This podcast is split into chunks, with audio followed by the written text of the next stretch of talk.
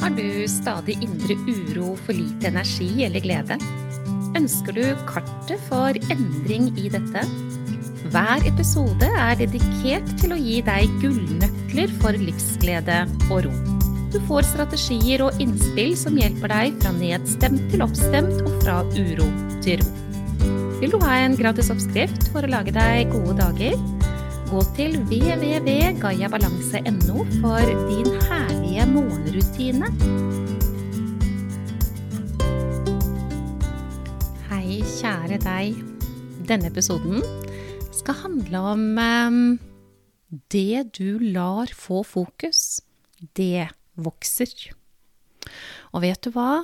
Det jeg har på hjertet nå, det er noe av det viktigste som finnes. Det sier jeg ganske ofte, jeg klarer ikke å la være nå heller, for det er faktisk det.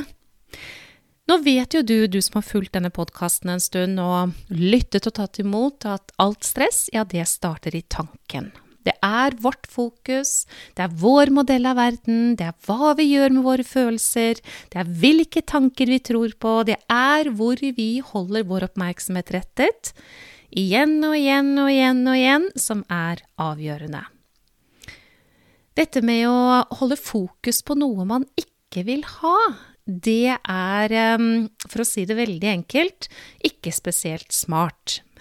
Det sier seg jo selv, altså hvis du ikke vil ha det og det, så er det ikke så veldig lurt å fokusere på at du ikke vil ha det, fordi hjernen din skjønner ikke at når du holder fokus på noen ting, at det betyr at du ikke vil ha det. Sånn er det faktisk.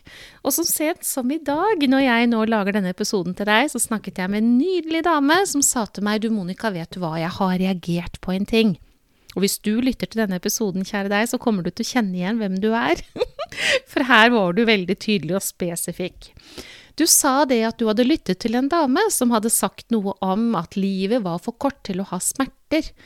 Um, at livet fullt av smerter nærmest ikke var verd å leve. Og det hadde du reagert veldig på. Og jeg er så glad for at du sa det til meg, fordi det var veldig viktig å få satt noen ord på. Og det er jo ikke sånn at mennesker som har smerter, ikke har livskvalitet. Nei, nei, nei, det kommer helt an på hvordan de møter sine smerter, hvor de retter sitt fokus, og en helhet i dette. Som du jeg snakket med sa det, Monica, jeg har smerter hele tiden, ja, men jeg har jo livskraft og livskvalitet. Ja, det har du. Du, et menneske som har mye smerter, kan velge å holde oppmerksomheten rettet mot smertene, eller eh, det motsatte. At disse smertene bare er der og blir møtt med aksept, og så velger man å heller holde fokus på for eksempel takknemlighet istedenfor, det er jo svært gunstig. Hvorfor er det det? Jo, fordi at når hjernen har en opplevelse av smerte, det vil si hjernen fanger den smerten som er et eller annet sted i kroppen, eller flere steder, så blir det alltid sett på som en trussel. Og med det øker stressaktiviteten, som igjen da opprettholder utskillelse av stresshormoner, som igjen sørger for anspent muskulatur, som igjen øker smerte. Og når jeg sier det sånn, kjære lytter, så tror jeg du er enig med meg at det der, der er jo alt annet enn veldig smart.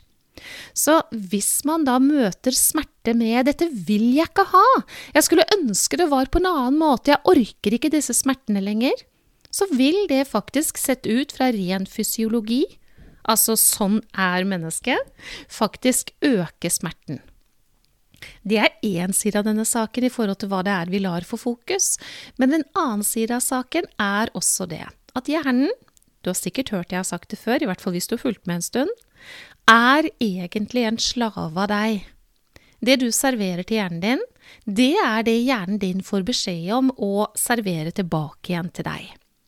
Så hvis du holder da fokus på irritasjon, du holder fokus på frustrasjon, du holder fokus på alt det som ikke ble som det skulle, du holder fokus på det du ikke får til, du holder fokus på frykt og redsel i ulike variasjon, for der fins det masse å ta av, ja, så har jo du egentlig sagt til hjernen din at du skal ha enda mer av dette.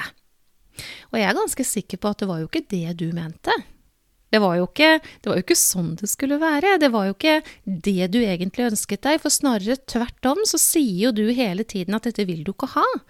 Du ønsker det motsatte, du. Du ønsker mindre av det som ikke gjør godt, ikke sant. Du ønsker mindre av det som skaper følelser som ikke er gode, eksempel mangel på aksept gir ubehagelige følelser. Veldig enkelt sagt, skulle vært på en annen måte. Det er feil, dette her. jeg, jeg, har blitt fratatt noen ting jeg skulle ønske jeg hadde, osv. Og, og ja. Men du, det er altså en sannhet. Det som får fokus, det får lov til å vokse.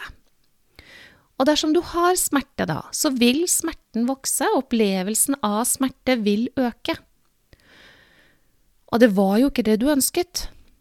Og hvis du holder fokus på negativitet, så har du sagt til hjernen din at det er der du skal ha ditt fokus, og hjernen din driver og jakter på negativitet hele tiden, og serverer negativitet til deg, serverer negative hendelser, serverer negative tanker, serverer fokus på negativitet fordi du har bedt om det.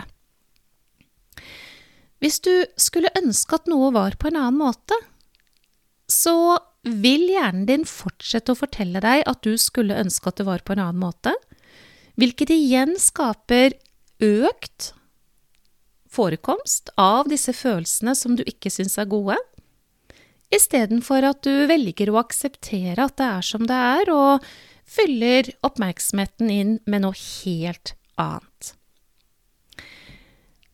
Av og til så møter jeg mennesker som sier du, Monica, jeg har så mye smerte, jeg blir så irritert, det er så mye frustrasjon, dette hindrer meg i å leve det livet jeg vil ha. Og så kan jeg finne på å spørre, men du, si meg en ting. Hvor mye av kroppen din fungerer da? Du forteller meg om vondter her og der og smerte sånn og sånn og stiv her og det fungerer ikke og så videre. Men hvilke deler av kroppen din fungerer? Hvis du nå ser kroppen din som 100% da, altså en helhet, hvor mye av kroppen er det som ikke ikke fungerer, f.eks. den betennelsen som aldri ble borte, ikke sant, kanskje den sitter i en skulder eller i en hofte, eller han sitter et annet sted, men det er jo ganske mange prosent igjen da av den kroppen, er det ikke? Tenk om du bare hadde gjort en enkel øvelse hvor du flyttet fokuset ditt til uh, det som fungerer, og velger å si tusen takk for det isteden. Hvis du gjør det, så er det det du mater hjernen din med. Du forteller hjernen din at nå skal jeg ha oppmerksomheten min mot det som fungerer. Og da vil hjernen din begynne å servere mer av det til deg. Hvis det er andre ting som ikke fungerer, altså som ikke har med kroppen din å gjøre, men områder i livet ditt, kanskje det er relasjoner som er vanskelig, det er noe oppgaver som du syns er utfordrende, eller hva som helst, hvis du holder fokuset ditt på dette, så um, får du mer av det som ikke er ok. Hvis du heller velger å flytte fokuset da, til det som faktisk fungerer, det er supersmart, rett og slett. For det er en sannhet at det som får fokus, ja, det kommer til å vokse. Hvordan gjøre noe med det her? Jo, det er bare ett svar. Du er nødt til å øke oppmerksomheten din, du er nødt til å øke bevisstheten din, og så må du begynne å trene. Du må begynne å trene på akkurat det her for å få et annet resultat. Og sånn er det. Og et sted å begynne, kjære du, det er å ta imot gaven min som jeg har laget til deg. Den heter Din herlige morgenrutine, og den får du på www.gayabalanse.no. Og det er rett og slett bare å, å starte dagen på beste måte, den beste inngangen, som absolutt ikke har fokus på det du ikke ønsker mer av, men heller fokus på det du nok med ganske stor sannsynlighet ønsker mer av. Og da er det det du oppnår.